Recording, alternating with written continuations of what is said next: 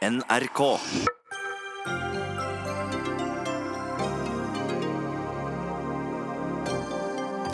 Invitasjonen av den omstridte tidligere Trump-rådgiveren Steve Bannon til mediedagene i Bergen skaper reaksjoner.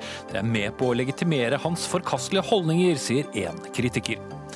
Hva er en nyere vert om dagen, egentlig? Donorer bør belønnes, foreslår skribent, men får lite applaus fra Landsforeningen for nyrepasienter og transplanterte.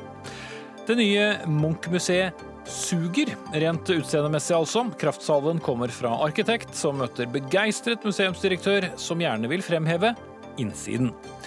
Og 13 år etter at SV trakk frem dieselbilens fortreffeligheter, ja, så friskmeldes den igjen.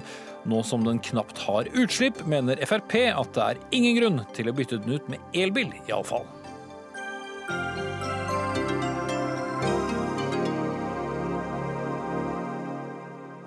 Ja, velkommen til Dagsnytt 18 på årets siste februardag. Espen Aas heter jeg. Vi skal også snakke om toppmøtet mellom USA og Nord-Korea, som endte med, vel, først og fremst endte det vel. Og minner også om, for dere som følger sendingen på TV, at de ti siste minuttene vies også i dag medaljeseremoni, så da må dere ty til radio eller internett. Men altså, Donald Trumps tidligere sjefstrateg og Breitbart-redaktør Steve Bannon skal altså gjeste mediedagene i Bergen, eller Nordiske mediedager, som det strengt tatt heter. Og dette skjer ikke uten støy. Det har pøst på, både med støtteerklæringer, men også total slakt av denne invitasjonen. Og Karoline Andrea Illebekk, du er postdoktor ved Institutt for medier og kommunikasjon ved Universitetet i Oslo. Og for de som måtte lure, hva er det som gjør Steve Bannon så kontroversiell? Hvem er han? Ja, det er flere ting. For det er ikke tvil om at Steve Bannon er en kontroversiell aktør både i Europa og i USA. Um, han er jo en selvutnevnt populist på høyresiden, uh, og tilhører på en måte ytre høyresiden um, ideologisk. Ble knyttet sammen med Tea Party-bevegelsen og representant for sånn alt-right-bevegelsen i USA. Um, han har jo tidligere sånn bakgrunn i marinen og som filmmaker og som leder for flere selskaper, men ble berømt da når han ble sjefstrateg i Trump-administrasjonen. Um, han har eh, også hatt en sentral rolle i nettstedet Breitbart News, som er et eh, et alternativt nyhetsnettsted i USA som har fått stor gjennomslagskraft. Mm, og spredt seg videre også til Europa? Det eh, har det. Og studiet viser også at eh, den type nettsteder har fått eh, også innflytelse og agendasettingsmakt i, USA, også i forkant av valget. Mm. Og annet vært, vært flink til å fortelle hva som er galt med de tradisjonelle mediene og historiene som man ikke får der. Definitivt. Så denne type nettsteder kjennetegnes av en sterk mediekritikk, og også en kritikk mot kultureliten på venstresiden, som de mener har stor ideologisk makt. Så mye av innholdet på sånne typer steder handler jo om en mediekritikk og motivasjonen for det. Mm. Og han skal vi altså se i det Bergen ofte er på sitt fineste, nemlig når nordiske mediedager avholdes. Men Mikkel Gryner, bystyrerepresentant i Bergen for partiet SV. Du har ikke så lyst til å høre hva han har å fortelle? Nei, jeg mener at denne invitasjonen er med på å legitimere og normalisere synspunkter som ikke bør ha en plass i en opplyst offentlig debatt. Men når han er en såpass sentral figur i det som etter hvert har blitt hetende alternative medier, burde ikke de som deltar på nordiske mediedager få høre fra ham selv hva han står for? For det første så uh, går det an å diskutere i hvilken grad Steve Bannon i dag faktisk er en sentral aktør. Han er vel en ganske uh, perifer aktør som uh, reiser verden rundt og har ganske sånne små puslete arrangementer med få tilhørere. Men han ønsker åpenbart å bli hørt. og det får han jo anledning til når man gir han en plattform. Steve Bannon er ikke mer interessant enn det man gjør han til. Og jeg mener det er en feil av nordiske mediedager å gi han den talerstolen. Mm. Guri Heftim, du er sjef for Nordiske mediedager og har fått mye av denne kjeften. Hvorfor syns du det er riktig å gi Steve Bannon en, en scene? Det er mange grunner til det. Eh, Steve Bannon er og var, som forskerne her forteller, eh, sjefstrategen i Donald Trumps valgkamp. Og han har vært hans strategiske rådgiver i Det hvite hus. Eh, og så har han jo før det vært en veldig sentral medieaktør. Han var, var med og utviklet Bipart News til å bli en sentral utfordrer til de store etablerte mediene. Og fremstiller også mediene som en fiende. Han kaller tradisjonelle medier for the opposition party. Og så er han nå aktiv til dels i Europa og forsøker å, å Um, styrke og støtte de fremadsstrømmende høyrepolitiske kreftene inn mot EU-parlamentets valg i slutten av mai. Og alt dette gjør han relevant for oss. For han har altså vært, enten eh, Mikkel Gryne liker eller ikke, vært en helt sentral aktør i begivenheter som har rystet vår politiske samtid. Og som en mediekonferanse er selvfølgelig det interessant for oss å intervjue ham. Mm. Men hva er det dere vil med ham? Skal vi da få lære hvordan han har bygget opp det han har bygget opp, eller er meningen at han skal eh, konfronteres for for eh, de mer kontroversielle meningene sine? Det siste definitivt. Altså, rammen for oss er her, helt vesentlig. Det er jo ikke sånn at vi har invitert Steve Bannon til å holde en politisk tale på et folkemøte på Torgallmenningen. Rammen er helt vesentlig. Han er invitert til en fagkonferanse for mediebransjen, der han skal stille opp, opp på et intervju. Og Vi har jo stor tro på journalistikken som et verktøy, og vi skal stille han kritiske spørsmål. Både om det han har gjort, altså hva syns han selv om presidenten sin, som lyver gang på gang på gang, hvordan ser han på valget i 2020 i USA, hva, hva tenker han om medienes rolle? Hvorfor er han så kritisk til mediene? Han mener vi gjør feil? Det er masse vi kan lære av å høre på en som, er, en som vi er så grunnleggende uenig med, som Steve Bannon. Grunner. Altså for det første så må jeg si at hele premisset her eh, om at man kan lære noe av Steve Bannon, er jo, er jo misforstått. Eh, hvis det er noe vi kan forstå av eh, dette eh, fenomenet, så er det nettopp at eh, i hele sitt virke eh, i Breitbart og i Cambridge Analytica, så har hans politiske prosjekt og hans forretningsmodell det har vært desinformasjon, løgn og propaganda. og hans politiske prosjekt er undertrykking og diskriminering. Eh, jeg må spørre meg selv hva det er norske journalister kan lære av en person som driver med det motsatte av det journalistikken bør handle om, nemlig å hente inn fakta. Du trenger ikke å spørre deg selv engang, vi kan spørre Guri Heftig. Skal, han skal ikke lære bort. Vi skal stille han kritiske spørsmål for å forsøke å forstå hva det er han representerer. Han har åpenbart en appell. Det er noe som gjør at han treffer. F.eks. når Breitbart begynte å virkelig ta fart, så klarte han å nøre opp under de den misnøyen, den mistilliten som var hos den jevne mann i gata til såkalt makta, til den såkalte eliten, der inkludert mediene, skal vi tro Steve Bannon. Og alt dette han forutså han. Han, var, han så, fikk Trump inn i Det hvite hus, og det kommer på en måte ikke rundt. Eh, og vi, Dette handler jo ikke om at eh, ved å intervjue Steve Bannon, så er det jo ikke sånn at vi automatisk eh, stiller oss i en tilslutning til hans politiske agenda. Det er på en måte helt uvesentlig. Det handler ikke om å like ikke like det Steve Bannon står for. Det er fenomenet Bannon og høyrepopulismens fremvekst og angrep på mediene som vi må forsøke å forstå og analysere. Og når vi, Den kritikken vi får, den er den er helt som forventet, og den er helt i orden og fra forventet hold. Det er helt ok. Men jeg må jo si at den målgruppa vi lager i Nordiske mediedager for, igjen en fagkonferanse for mediene, der er det stor interesse for dette intervjuet. Fra presse, fra journalister. Og er det én gruppe jeg, jeg virkelig tiltror å ha en evne til kritisk tenkning, så er det den, de deltakerne og det publikummet som sitter på det intervjuet på Nordiske mediedager. Mhm. Men bare for å forstå, altså han, Blir han da invitert for å, å bli, bli, nærmest grillet, eh, eller hva slags eh, setting blir eh, egentlig dette? For det er jo ikke alltid man får så mye ut av det. Nei, han skal intervjues av Christina Pletten, som til daglig opererer i Aftenposten som deres USA-korrespondent. Hun har fulgt amerikansk politikk tett i mange år og kjenner godt til både hva både Steve Bannon og det han representerer. Eh, og han, Vi har ikke fått noen føringer fra Bannon eller hans team. Han, jeg er ganske sikker på at Steve Bannon og Nordiske Meddager har en ganske ulik eh, målsetning med det intervjuet, eh, og det er helt fair. Men, og han vet at han skal intervjues, og han åpner, er også åpen for at vi stiller spørsmål fra salen. Jeg tror For mange er det veldig interessant å få se en sånn aktør eh, live, være i samme rom som han, stille han spørsmål, være konfronterende. Så kan det godt hende ikke vi klarer å få ut av han det vi ønsker, men det er jaggu verdt forsøket. Men uh, Mikkel Grüner, hjelper det egentlig å late som om krefter du er uenig i ikke finnes? Er det, er, er det virkelig ikke bedre å i så fall kunne konfrontere dem, som heftig sier de skal? Nei, altså det, Man blir jo holdt litt som, som gissel av eh, arrangøren her, fordi man er jo nødt til å gå ut og si at dette er, er uakseptabelt eh, når det først eh, har blitt sånn. Altså Det man må forstå, er at det kan godt være at konsekvensene for de som sitter i salen og lytter til Bannon, ikke er store. Men det finnes store grupper i vårt samfunn som blir direkte rammet av det debattklimaet som Bannon er med på å skape, og som man bidrar til å legitimere her.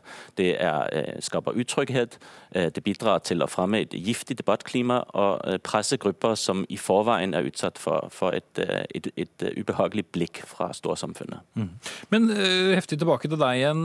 Hva håper du man skal få ut av dette? Skal norske journalister tenke at dette er en mann vi tar avstand fra, på lik linje som, som, som Gryner gjør? Eller tenker du at uh, man nå skal, skal forstå hvorfor uh, han hadde den jobben han hadde, hvorfor Trump kom dit uh, han skulle, eller hva vil du publikummerne skal gå hjem med? Det er vanskelig å vite hva, hvordan folk opplever det. Det er alltid vanskelig å vite hvordan et sånt intervju eh, spiller seg ut. Men jeg, jeg tror det kan være veldig interessant å høre hans betraktninger av, eh, av, medie, av de tradisjonelle mediene, altså eh, mainstream media, som han kaller det. Du vet vel hva som kommer? Ja da, men uh, igjen, vi har tenkt å stille noen kritiske spørsmål. Jeg, jeg synes det er litt sånn lav tillit til journalistikk som et verktøy. Altså Hvis vi skal si at det å stille kritiske spørsmål ikke har noen verdi, det har vi på en måte tapt. Og vi tror altså ikke det. Vi mener at det er fullt mulig å stille kritiske spørsmål til et menneske vi er dypt uenige med fundamentalt i forhold til eh, politisk ståsted og ideologi. Og så tenker vi at det å konfrontere eh, noen vi er uenige med, er sannsynligvis mer lærerikt enn å bare prate med de vi er enige med. Mm. Der er det vel et poeng, eh, Grunne. Hvis man skal vite hva man skal ta avstand fra, så må man vel tilegne seg noe kjennskap til? Vi vet hva Steve Bannon uh, står for. Vi vet uh, hva de gruppene, og organisasjonene og partiene som han samarbeider med eller ønsker å samarbeide med, de står for. De står for diskriminering og undertrykking. Og Det er ikke noe nytt i dette. Det man gjør, det er at man gir mannen en talerstol, og man sier implisitt når man inviterer ham, at han er en mann som er verdt å lytte til. Det er han absolutt ikke. Mm. Er det god butikk å invitere Steve Bannon, Guri Efti? Ja, påmeldingene tikker inn, men det har de gjort jevnt og trutt hele tiden. Men vi merket en liten sånn formtopp når den, den, nyheten kom ut. Det er som sagt, Vi opplever i vår, til de vi lager mediekonferanse for, oppleves han relevant. Uh, rett og slett. Mm. Men tilbake til deg, Karine Andrea Ilbekk. Kan man trekke noen paralleller til den norske mediedebatten via band? Ja, altså det er jo selvsagt litt uh, ulikt uh, styrkeforhold her. Men uh, det man ser, er jo at den type mediekritikk også vokser på en måte i Skandinavia. Og at den kommer fra nyetablerte alternative nettsteder som resetter dokumentet i, en norsk sammenheng. Og, man ser lignende i Sverige, litt mindre i Danmark. Um, så spørsmålet er jo på en måte hva, eh, i hvilken grad man skal invitere den type aktører inn til å fremme sin medkritikk. Eh, og man har jo også sett visse tendenser til det her eh, i Norge. At det blir på en måte den stemmen som får lov til å være mediekritisk nå. Eller som får, får gehør. Mm. Det blir spennende å se og høre intervjuet, i hvert fall, når det finner sted. Takk skal dere ha, alle tre. Karoline Andrea Ilbekk fra Universitetet i Oslo, Mikkel Gryner fra SV i Bergen og Guri Hefti, Mediedager. Dagsnytt 18 alle hverdager kl 18.00 på NRK P2 og NRK2.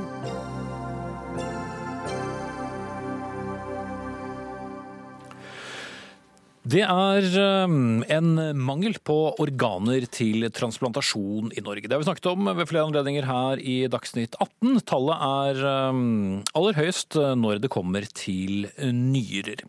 Ved inngangen til 2019 sto 346 pasienter på transplantasjonslisten for ny nyre. Og statsviter og skribent Aksel Bråden Sterri, du mener en løsning rett og slett kan være å belønne donorene som gir eh, en, eh, en del av seg selv. Hvorfor det?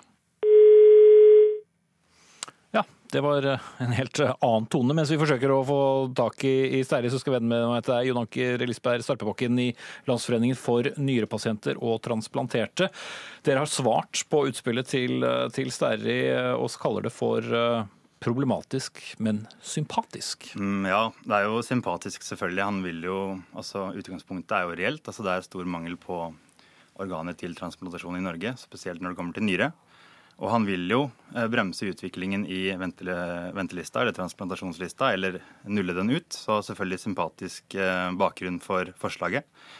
Men vi mener at det er problematisk fordi at eh, det vil rokke ved et grunnleggende prinsipp i måten vi ser på organdonasjon i Norge og Europa, nemlig frivillighet. Det skal være tufta på frivillighet. Mm. Men ville det hjulpet? Det er vanskelig å spekulere i, fordi det er et såpass grunnleggende prinsipp at, eh, at det er indremotivert. Og det kan hende at det ville stimulert til økt uh, tilgang på organer, men på helt feil grunnlag. Mm. Aksel Brånen Sterri, da står teknikken hos eh, noe mer bi, og du er, eh, er med oss. Hvorfor er dette en, en, vei å gå, tenker du? Nei, det er som du sier, Folk står allerede i dag i nyrykø, og det er kjempedramatisk. Noen selvfølgelig kan ende med å dø, men andre må leve sterkt reduserte liv på dialyse. Og jeg tenker at dette er en moralsk plikt Eh, og Det skyldes at vi i dag ser på Det er ikke slik at vi vanligvis tenker at hvis du blir for kreftstempel, så er det din familie eller nære venner som må dekke det. Det er det på en måte fellesskapet som tar seg av. Når det kommer til organer, har vi tenkt at nei, dette skal familie og venner de er de som skal stille opp med nyrer, og vi som fellesskap skal slippe. Og det jeg tenker, er at hvis vi snur på dette og ser på dette, dette som en fellesskapets plikt, så får vi en helt annen måte å se det på. Og da bør vi som fellesskap vi bør heller løfte fram donorer som gjør en helt fantastisk ting på vegne av oss. Og vi bør belønne de så godt vi kan for at de kan donere nyrer til eh, folk som trenger det. Ja, hva slags uh, størrelsesorden burde disse belønningene ligge på? Ja, uh, det er ikke sant. Jeg har foreslått en million, kanskje to. Det som er vesentlig, er at dette ikke skal være en markedspris. Det skal heller ikke bare være et insentiv som skal sørge for at folk gidder å donere. Det er viktig at det symboliserer at eh, noen tar et offer, gjør noe fantastisk på vegne av oss som fellesskap. Så Det er på en måte det viktigste. Akkurat om det skal være 1 million, 2 millioner, 3 millioner, er ikke så nøye. Men det er likevel det skal være en ordentlig kompensasjon, det skal være en ordentlig belønning. Og det skal nettopp ha denne moralske siden ved seg. Det er det viktige. Mm. Sørpebakken.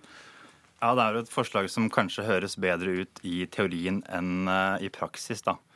Eh, for når det er en mulighet at man kan så å si tjene en million eller to millioner kroner på å gi fra seg et organ, så er det nok uh, rimelig å anta at det kan gå utover sårbare personer i samfunnet. Da. Som rett og slett tjener penger på det? Ja.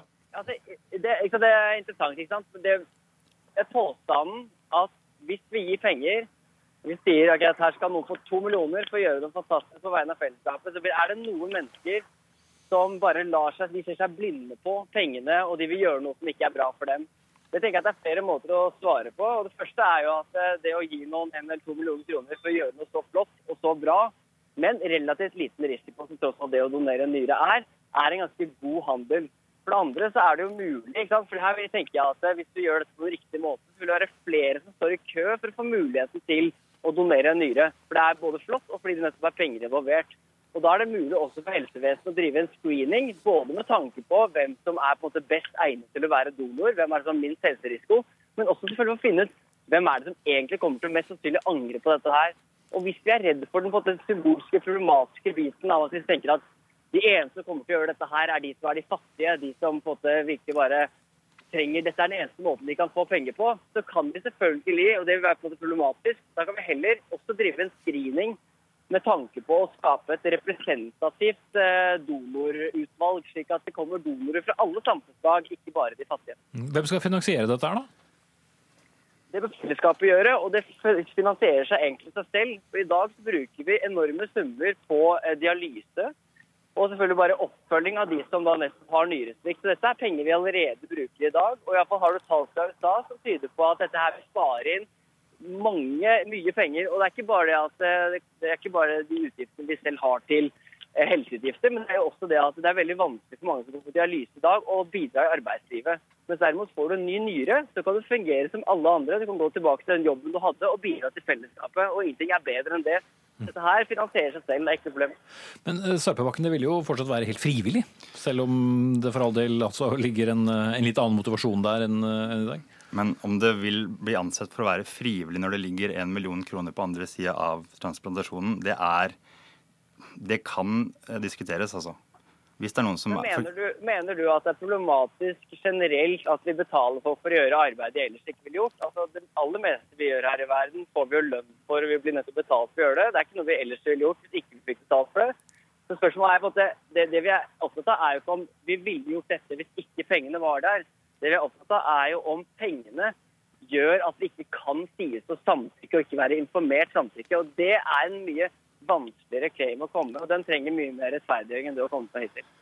Jeg skjønner jo at du øh, kanskje tenker på de som i utgangspunktet kan tenke seg å gi frivillig, at det kan være en så å si eh, vippe i riktig retning. Men det åpner jo åpenbart for at det kan skje på andre måter også. Det er det jeg syns er mest problematisk ved det.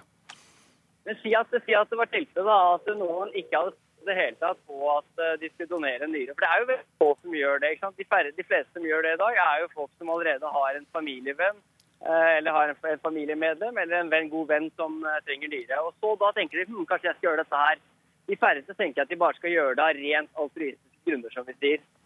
Så Dette her vil helt åpenbart motivere, og det er jo hele poenget. Vi ønsker jo å si at herregud, her er det et uløst problem som vi som fellesskap ikke greier å løse.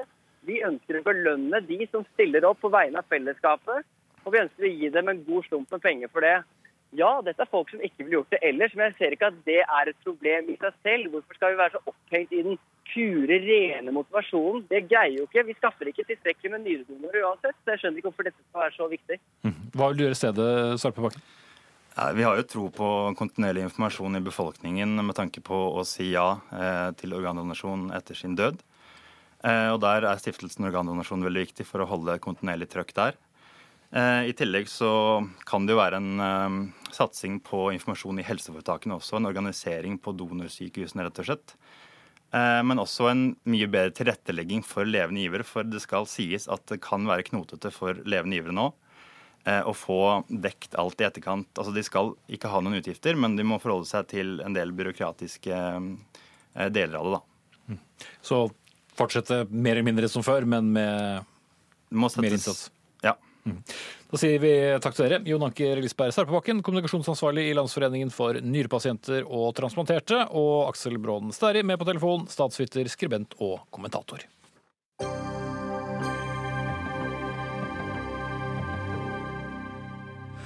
Så skal vi eh, snakke om eh, toppmøtet som eh, først og fremst ble et møte. Kim Jong-un ville ha alle internasjonale sanksjoner mot Nord-Korea opphevet for å signere en nedrustingsavtale. Og Det kunne ikke USAs president Donald Trump gå med på, og dermed endte altså dette toppmøtet i Hanoi uten konkrete resultater.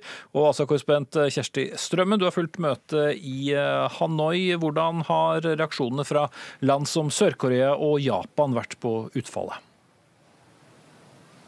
Sør-Korea er nok eh, nå ganske urolig for at eh, det ikke skal være noen fremgang i eh, disse diskusjonene mellom USA og Nord-Korea, fordi regjeringen i Sør-Korea ønsker å få på plass en fredsavtale raskest mulig, og at det da på et eller annet vis skal være en slags gjenforening mellom de to landene. Der har man jo da eh, hatt en prosess gående som kanskje er hurtigere enn det USA egentlig har likt.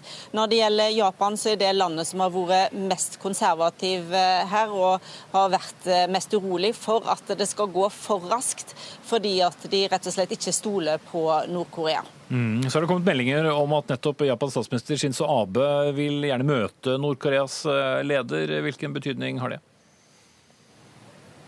Ja, eh, Han er jo en eh, da som ønsker å komme på banen, ikke minst fordi at eh, Nord-Korea har japanske borgere som er blitt bortført fra Japan, og det har vært en årelang prosess for Japan å prøve å få tilbake disse borgerne.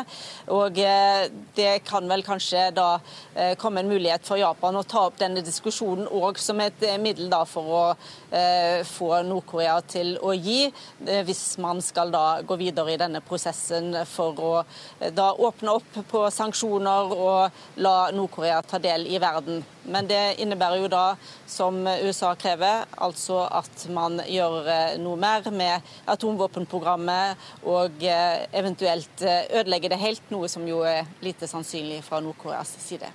Du befinner deg jo i vertslandet Vietnam. Hvordan har de reagert på utfall eller mangel på utfall?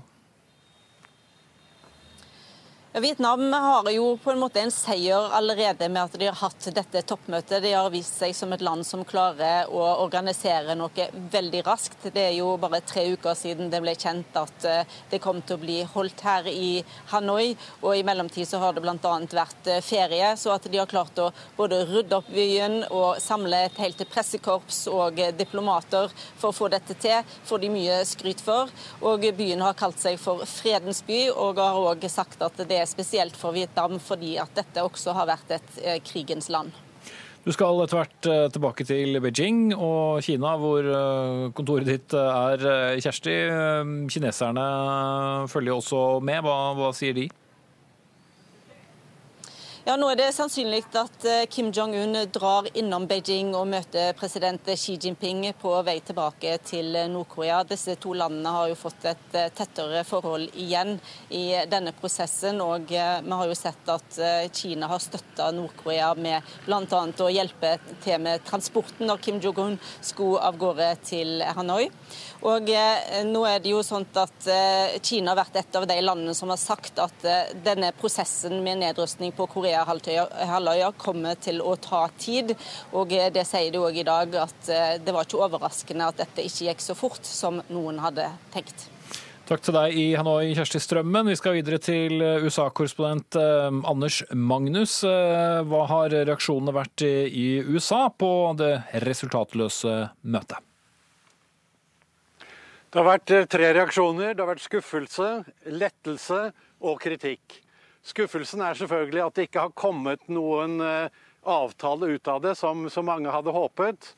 Lettelsen har vært at eh, Trump ikke har gitt bort eh, lovnader eller gitt bort ting til Nord-Korea som han ikke burde ha gjort, etter de fleste observatørene her sin mening.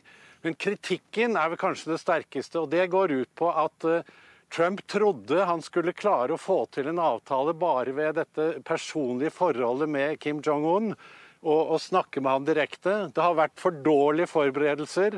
Vanligvis når det er slike toppmøter, så er det en ferdig enighet på forhånd. Det er bare eh, på en måte formaliteter og signering av avtaler som skal gjøres. Her var, ikke, eh, var, man ikke kommet så langt, men eh, Trump selv mener jo han er en veldig god forhandler, og at han skulle klare å få et gjennombrudd med Kim pga.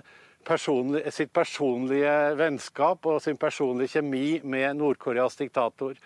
Nå viser det seg det at eh, nordkoreanerne da ikke ville gi noe særlig før sanksjonene ble totalt opphevet. Og det var da eh, utenriksminister Mike Pompeo som sa til eh, Trump at da kan vi ikke godta denne avtalen.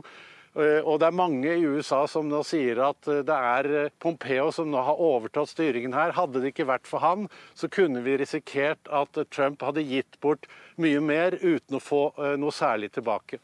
For det om han hadde imøtekommet kravene om lettelse av alle sanksjonene, så mm, ville det absolutt blitt reaksjoner? Det må du gjenta. Eh, altså, eh, det at Trump ikke gikk med på eh, å lette disse eh, sanksjonene som, eh, som Nord-Korea ønsket, eh, det kunne fort blitt kontroversielt dersom man hadde imøtesett dem? Ja, det ville blitt veldig kontroversielt hvis Trump hadde sagt at han hevet alle sanksjonene mot å få noe tilbake. Og Grunnen til det er fordi eh, etterretningen i USA har jo oppdaget mange andre steder hvor de mistenker at eh, Nord-Korea eh, produserer uran, anriket uran som kan brukes i atomvåpen. Og eh, Nordkoreanerne var villige til å legge ned eh, noe av sitt gamle eh, anlegg i Yongbyon, men amerikansk etterretning frykter at de har mye mer moderne og bedre anlegg mange andre steder. Og de var ikke Kim Jong-un villig til å snakke om i det hele tatt. Han var ikke villig til å verifisere det, og heller ikke til å gå med på at de skulle bli stengt mot at at alle, alle sanksjonene ble opphevet. Torben Henriksen, du er leder av Nord-Korea-programmet til Norges eh, Røde Kors. Eh, hva slags reaksjoner, eh, om noen, har kommet fra nordkoreanske myndigheter på dette utfallet? Nei, Foreløpig så er det ikke registrert noen rapportering tilbake fra Hanoi.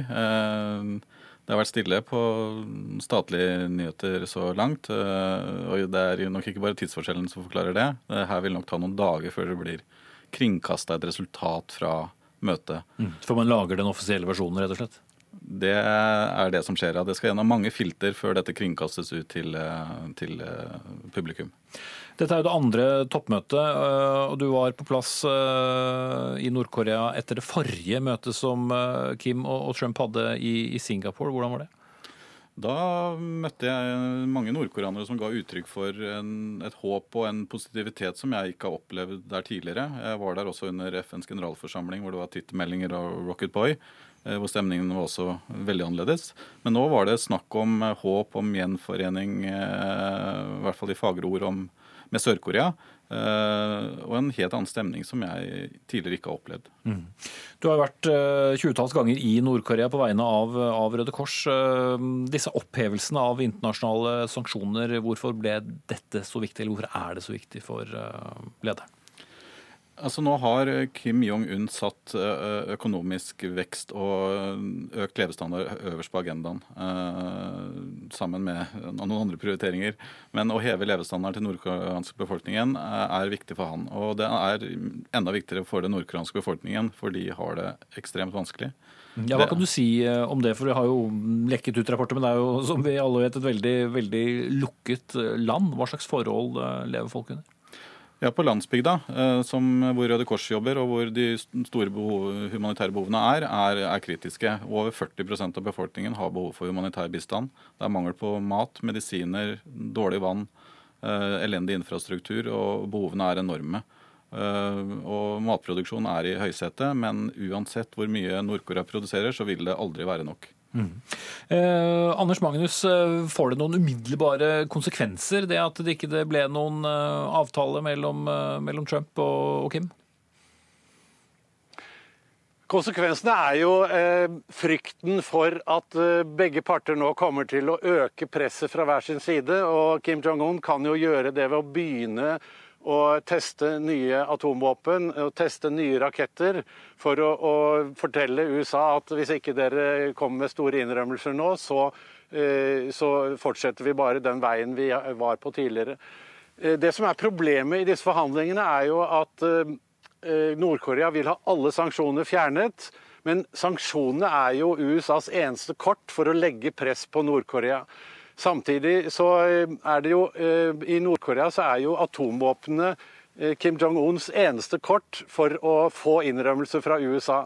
Det man hadde håpet på denne gangen, var at begge parter skulle gi lite grann. At man kunne heve noen sanksjoner mot at man fikk noen innrømmelser fra Nord-Korea. Det falt i fisk fordi nordkoreanerne sa alt eller ingenting. Og Dermed så ble det slik det ble. og Nå sier amerikanske myndigheter at det er ikke planlagt noen nye eh, toppmøter. Vi forsøker å holde dialogen eh, gående videre. og eh, Trump sier jo også at vi har god tid.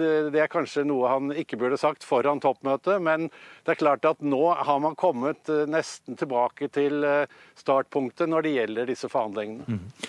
Henriksen, vi skal eh, snart eh, runde av, men eh, jeg har jo sett hvordan mine egne kolleger har vanskelig eller nærmest umulig arbeidsforhold de gangene vi har fått besøke Nord-Korea, med påpassere som passer på hvor enn det går.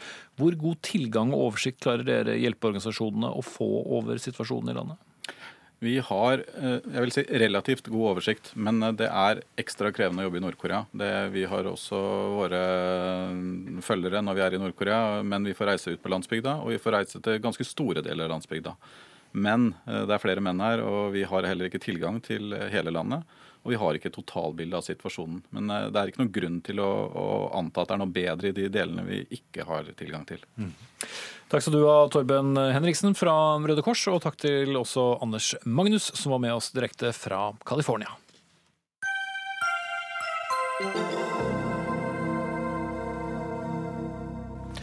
Det ble langt på vei solgt inn som et eh, elegant, lysende tårn, men ser i enkeltes øyne i dag ut som et grått, svart og ugjennomtrengelig bygg dekket av noe som noen mener minner mest om autovern. Hva snakker vi om? Jo, det nye Munch-museet, som etter planen skal eh, åpne dørene i juni neste år. Det er bygget med den lille knekken på toppen som du kanskje har sett. Og Gaute Brochmann, arkitekt og skribent og redaktør, i dagens Dagblad sier du at det nye Munch-museet sitat, suger. Hvorfor det? Ehm, du oppsummerte det vel ganske godt sånn som du gjorde nå. Eh, dette her er jo da basert på sånn huset ser ut eh, akkurat nå.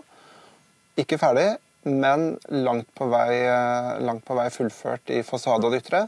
Eh, og det ser mørkt, tungt, dystert og relativt feilproporsjonert ut, syns jeg. Og egentlig ganske ulikt det vi ble lovet eh, med konkurranseutkastet som vant dette her i første omgang. Mm. Stein Olav Henriksen, direktør for eh, Munch-museet.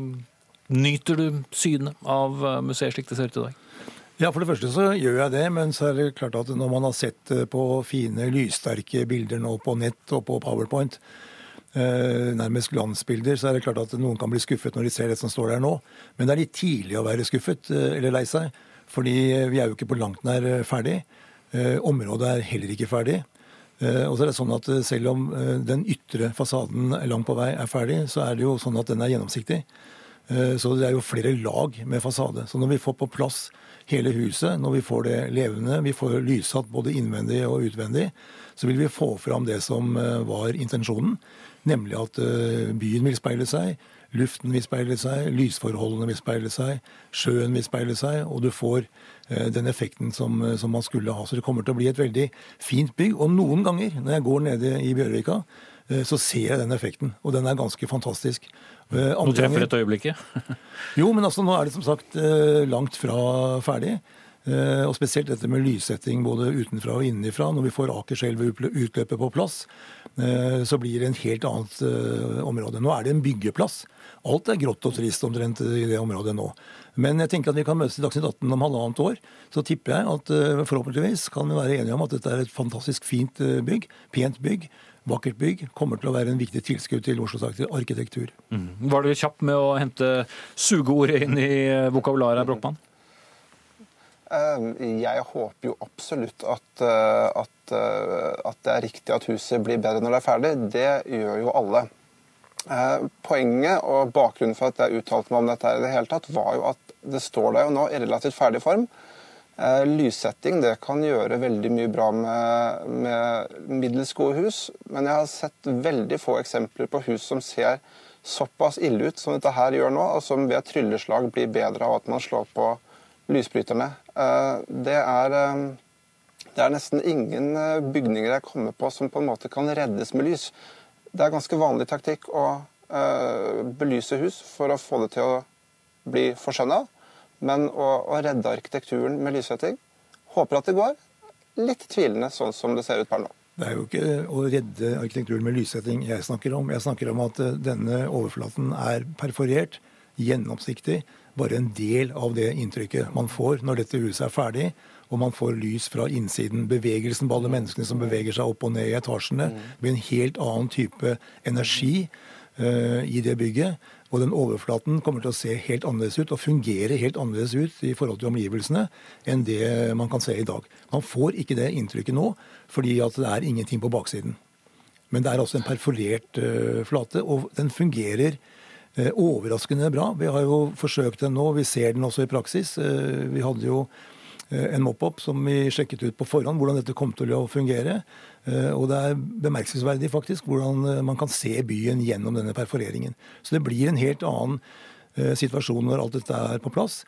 Og så får vi se, da, når vi kommer dit, om det fortsatt er eh, kritiske røster. Eh, det vil jo alltid være forskjellig smak og behag. Du kan si Arkitektur er jo klart objektive faglige kriterier, men det er jo også en stor grad av preferanser. Altså med andre ord skjønn, eller såkalt smak og behag. Og noen vil sikkert like huset, og noen vil ikke like det. Og Sånn vil det jo være med, med alle hus. Operaen var også kontroversiell. Den har blitt en stor suksess. Mange andre bygninger har vært det. Dette huset er litt annerledes enn det man er vant til for så vidt i, i Norge. Eh, spansk arkitekt, litt annen type estetikk enn det vi kanskje har sett tidligere. Det at det var vertikalt var jo også et kritisk eh, punkt. Eh, men det viser seg å være veldig bra egnet eh, for den samlingen vi har av Edvard Munch. Kommer til å bli en veldig flott opplevelse å komme inn i det huset også, men nå er det jo ikke det vi snakker om her. Nei, nå holder vi oss til utsiden. Eh, Brochmann, hva, hva, hva er det du vil se da om, om halvannet år, som Henriksen prøver å berolige deg med, som det så ut på bildene da det ble solgt inn? Eh, han har sikkert rett i at det kommer til å se bedre ut når lyset blir slått på, men hvis man gjør et eh, lite Google-søk på kulturbygg og museer og gallerier rundt omkring, så er det ganske mange dagbilder hvor, hvor vinduene er svarte. Eh, og det som er Poenget med god arkitektur er jo at disse husene her, være seg hus med perforerte fasader eller det som er enda vanligere, nemlig glassfasader, som jo er en enda mer transparent fasade, er jo at de har ett uttrykk når de har lyset slått på. Da er det transparent, da ser du alt som skjer inn der. Og så har de et helt annet uttrykk når lyset er av, og da reflekterer de omgivelsene. Og de reflekterer himmel og fjord og byen rundt. Og det gjør jo dette huset her i påfallende liten grad. Sånn at Det er liksom bekymringa rundt at det ser så fryktelig slett ut nå. Mens et hus med en glassfasade f.eks. ville fungert så veldig fint. Eller andre hus man har sett hvor du har et hvitt hus med perforert metall utenpå, som er ganske elegant uten lys, og vakkert med lys.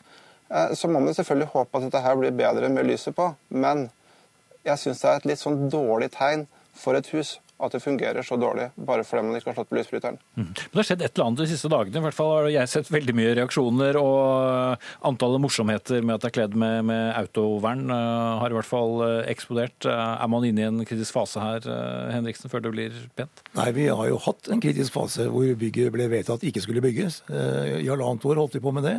Da var det veldig mye kritikk i forhold til alle mulige aspekter. Vertikalt museum, flyttet til Bjørvika, egnet seg ikke til museum osv.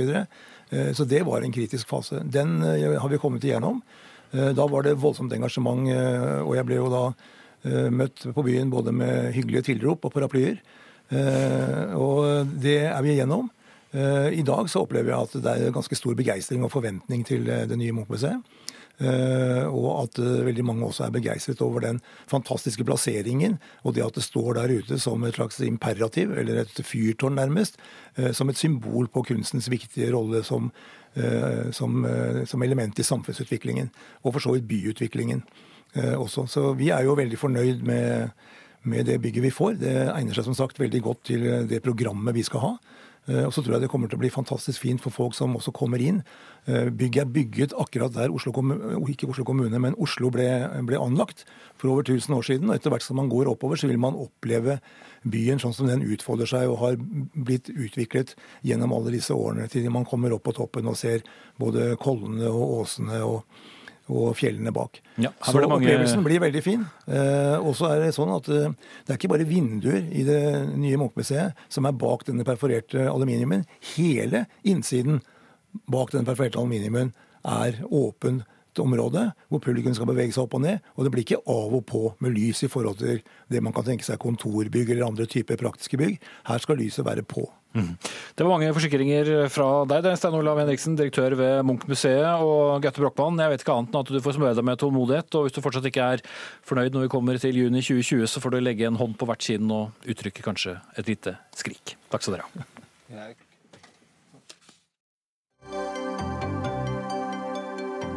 Hør Dagsnytt 18 når du vil. Radio NRK Radio.nrk.no.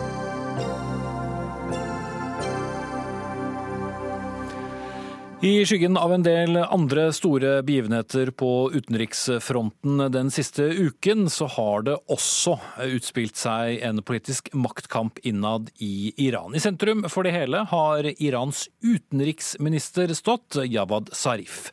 Eh, I løpet av tre døgn har Zarif først trukket seg fra ministerposten, via Instagram, eh, for så å dukke opp igjen på jobb bare noen dager senere. Og Sissel Wold, du har fulgt denne dramatikken. Du er vår korrespondent. Hva er det egentlig som har foregått? Jo, Jawad Zarif er jo eh, Irans mest populære politiker. Utenriksminister Jawad Zarif er også Irans eh, vasseste og dyktigste diplomat utad. Et ansikt utad for eh, Iran. Eh, men han har hatt en veldig vanskelig jobb i det siste, fordi han er jo en av arkitektene bak atomavtalen, som skulle gjøre at Iran nærmet seg Vesten.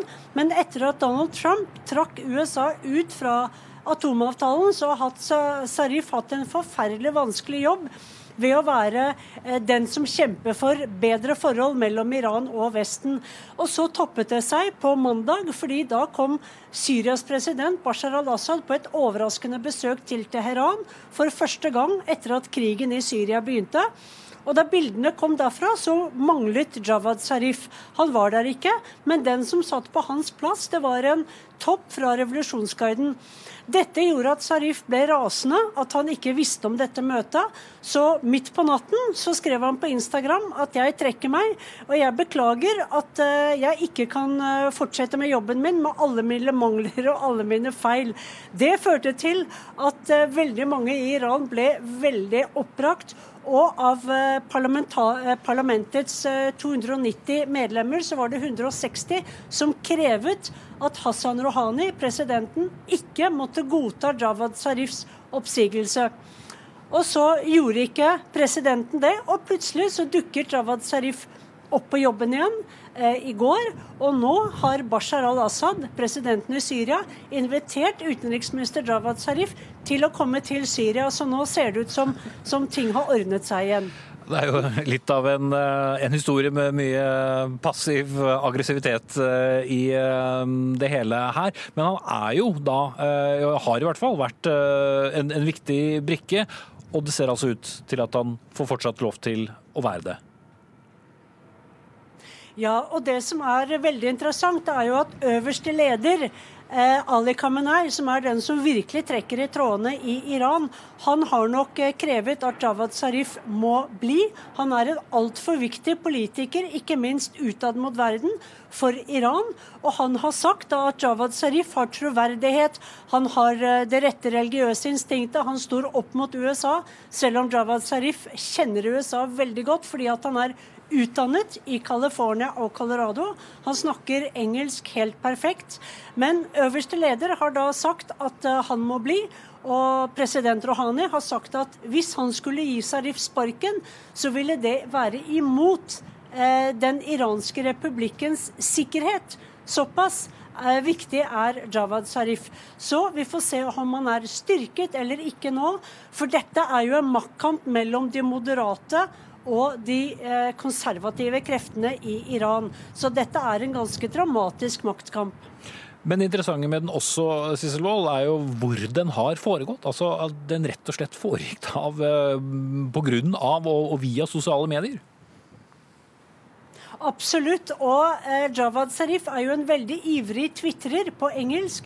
Men nå er jo Twitter blokkert i Iran. Så hvis iranerne skulle få vite om hans eh, oppsigelse og hans frustrasjon, så måtte han skrive dette på Instagram. Eh, det gikk rykter også om at Hassan Rouhani hadde også skrevet på Instagram at du må ikke gå av. Men eh, det er nok eh, en del av en god historie. Men hvorfor dette er så viktig? Er at atomavtalen skal jo sørge for at det blir fredeligere og tryggere i Midtøsten.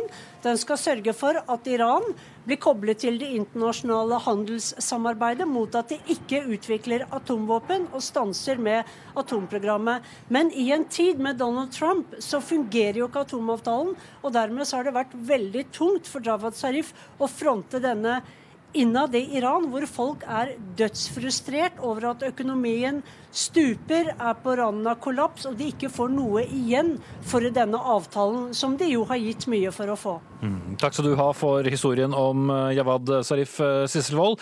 Så kan vel hende det var en og annen innom den Instagram-posten og ga den en liten liker.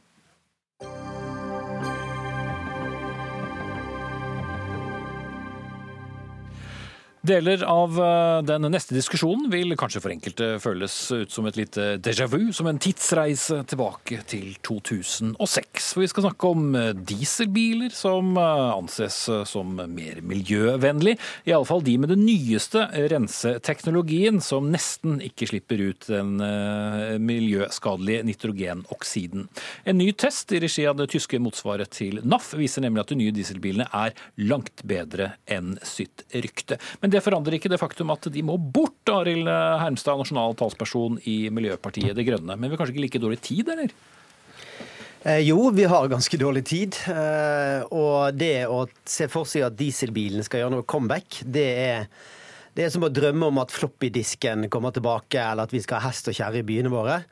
Volkswagen har sagt at i 2026 så er det slutt. Da er alt over på elektrisk. Og her hjemme så har jo Stortinget og Frp har vært med på det, og så vedtatt at vi skal eh, slutte med bensin og diesel. Så disse dieselbilene har ikke blitt despøtt det spøtt bedre når det gjelder å slippe ut CO2 og klimagasser, eh, og det er vi nødt til å adressere. Mm, helt enig der, eller Morten Stordalen i Fremskrittspartiet? Jeg må arrestere en del litt da. Det er ikke riktig at Fremskrittspartiet har sagt man skal forby eh, noen fossilbiler fra 2025.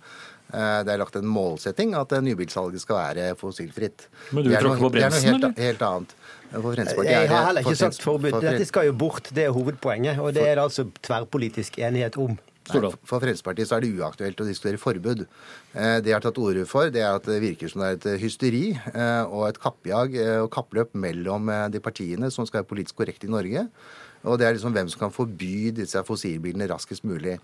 Men vil du forlenge også, bruken av dem? er det det du Ja, fordi at så lenge en dieselbil da har null NOx-utslipp, CO2-utslippet går dramatisk ned på nye biler, Eh, Fremskrittspartiet har tro på teknologi, og da er det jo ikke Også når det da, kommer målinger fra Tyskland? ja. Med den historikken. Nå har hele EU ikke sant, Europa eh, satt noen kriterier for eh, fossilbiler og utslipp. Så det tror jeg nok bilindustrien tar inn over seg. Og en bil da ikke har utslipp, så spiller det ikke noen rolle om den går på diesel eller el. Fremskrittspartiet er ikke noe mot elbiler, hybridbiler. Tvert om. Men vi sier det at det skal være en valgfrihet, og det passer ikke alle. Og hvis det utslippet da er likt null, så spiller det ingen rolle hvilket drivstoff den går på. Men hvis disse bilene uansett forsvinner, så har du kanskje ikke så Nei, men de forsvinner ikke. Uh, husk på det at uh, hvis noen bilmerker, noen vel å merke, uh, sier at man skal over på el, kun fra el, uh, ut på 2020-tallet en gang, så betyr det at det er fortsatt ganske mange bilprodusenter rundt i verden som kommer til å fortsette å produsere for fossil. Og mm. det er sånn at hvis vi sier at vi skal over på el, må vi huske på det at Norge produserer ikke bil. Eh, når vi hadde all time high-salg i 2017, så var det 0,2% av markedet som gikk til Norge. Det er altså ikke vi som styrer det. og jeg har sagt Politikere må slutte å vedta teknologi. Det er uheldig. Ok, Men dere er jo glad i teknologi i Miljøpartiet De Grønne. da. Er ikke dette bare gode nyheter? At uh, endelig noen gjør noe med utslippene? Altså, uh, Vi skal huske at dieselbilene de har blitt Altså, bransjen manipulerte disse testene i fryktelig mange år. Eh, og naive politikere har på en måte sittet og klappet på at bilindustrien jobber med teknologi. Eh, og det funker ikke. Eh, det som funker, er at politikerne stiller knallharde krav. At rettsvesenet rettsforfølger de som har gjort feil ting. Og det er for seint for dieselbilen. Og her i Norge så Selv om utslippene går ned? Altså, Klimagassutslippene fra dieselbilen er altså akkurat like høye som de har vært. De har fått, Endelig har de gjort noe med utslippene til luft. Det burde de ha gjort for fryktelig lenge siden. Men vi må jo bare huske at en tredjedel av biler som selges i Norge i 2018, de var elektriske. Én av seks biler var diesel. Og, og salget stuper. Det er ingen grunn til at politikerne skal prøve å holde liv i dette. Og hvis man er opptatt av teknologi, så må man jo være opptatt av at vi skal bruke den beste teknologien. Og elektriske biler er mye bedre. Eh, og det Problemet til Frp er at de vil gjøre det billigere eh, å forurense, og står i veien for et ekte grønt skifte hvor vi gjør det som er nødvendig for å skape bedre byer, for å skape bedre miljø, og som gjør at vi også klarer å bli kvitt en teknologi som har eksistert for lenge. Mm. Er det viktig å nærmest gi dieselbilen kunstig åndedrett, eh, Tordal? Jeg sier ikke kunstig åndedrett. men Husk på at flertallet av biler som blir produsert, er faktisk fossil drivstoff. Eh, det betyr at eh, vi ønsker et eh, mangfold, og folk kan velge selv. Det er ikke Men det har skjedd mye med salget og kjøpet i Norge? Det er klart det har gjort det. Og takket være Fremskrittspartiet i regjering så har altså utslippet gått ned, nettopp fordi at vi har satt ned avgiften betydelig, også på fossile biler. Vi vet at nyere biler forurenser mindre enn de som er kanskje bare 10-12 år gamle.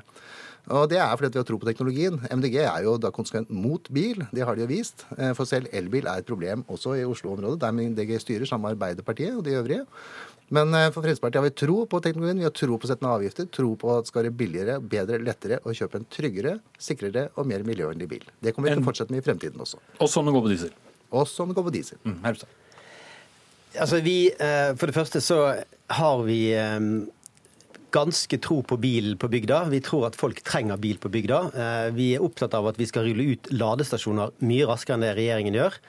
Og gjøre det tilgjengelig for folk i hele landet som trenger å bytte ut dieselbilen sin etter hvert med noe som er mer moderne og mer fremtidsrettet. I byene så vil vi begrense biltrafikken. og Det er også fordi at vi er opptatt av luftforurensning. For Det er ikke bare det at man uh, slipper ut uh, avgasser fra bilene, men det er også det at man virvler opp støv, og at man tar mye plass hvis man satser på bilen. Og det er jo verdt å merke seg at I dag kom det nyhet om at det kommer enda flere. Det kom masse elbusser i bruk i Oslo. Og De nye bussene er altså elektriske. Det er det som er den nye normen. I Bergen har de nettopp bestilt en haug med elektriske busser. Eh, og Hvis vi vil skape bedre byer hvor ungene kan gå ut om vinteren, hvor man kan, astmatikere ikke må holde seg inne, så er vi nødt til å adressere biltrafikken. Og Det er lett å gjøre noe med det i byene. Det er lett å gi til bedre tilbud. Det blir mer effektivt, det blir lettere å komme seg frem. Og de som må bruke bil i byen, får da det også lettere. Så dette, Frp står jo på feil side av historien, hvor de insisterer på at de skal gjøre det billigere å forurense og legge til rette for bilen, også i byene hvor det faktisk er en dårlig idé å Men nå blir det mer på bil. dyrere. Eh, Nå må du betale for eh, elbil i bomring. Det vil koste mer penger å lade dem. F.eks. da i, i Oslo er det ikke lett å tenke at noen vil tenke nei, vet du hva, da går jeg heller tilbake til den bilen jeg vet som går så langt jeg trenger, nemlig en dieselbil. Den slipper jo ikke ut noe mer. Vi har vært eh, tilhengere av å forlenge de fordelene som vi har på elbiler så lenge som mulig, eh, overalt, særlig på avgiftene.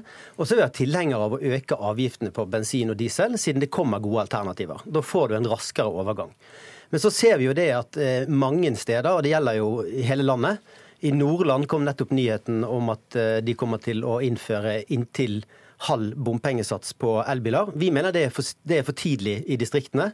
Men vi mener at vi er nødt til å, rundt byene så er vi også nødt til å ha en viss innkreving. Men vi lover at det skal aldri koste mer enn halvparten av det de gjør, så lenge vi har elbiler. Mm. Men Stordalen, kommer dere til å gjøre noe endring i eksisterende politikk etter nyheten om de renere dieselbilene? Fremskrittspartiet kommer til å fortsette sin politikk. Vi har sagt det hele tiden. Vi har tro på teknologi. Vi har tro på at faktisk bilindustrien er interessert i å klare å selge biler fortsatt i Europa og verden.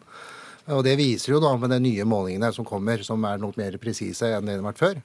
Eh, og så viser det også da, når jeg gikk ut i mediene og sa at det var skapt et dieselhysteri, Det er det politiske korrekte Norge eh, har på en måte nesten skjelt ut de som kjøper dieselbil, de som kjører dieselbil.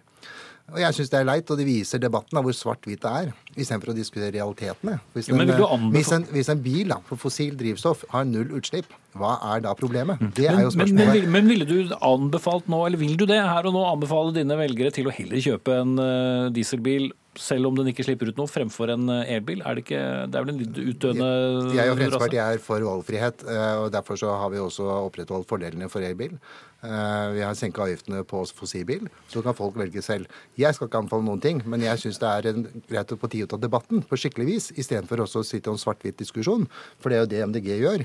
Man er rett og slett mot bil, og ikke interessert i å diskutere realitetene. Det kort, er det jeg savner. Uh, Hermstad.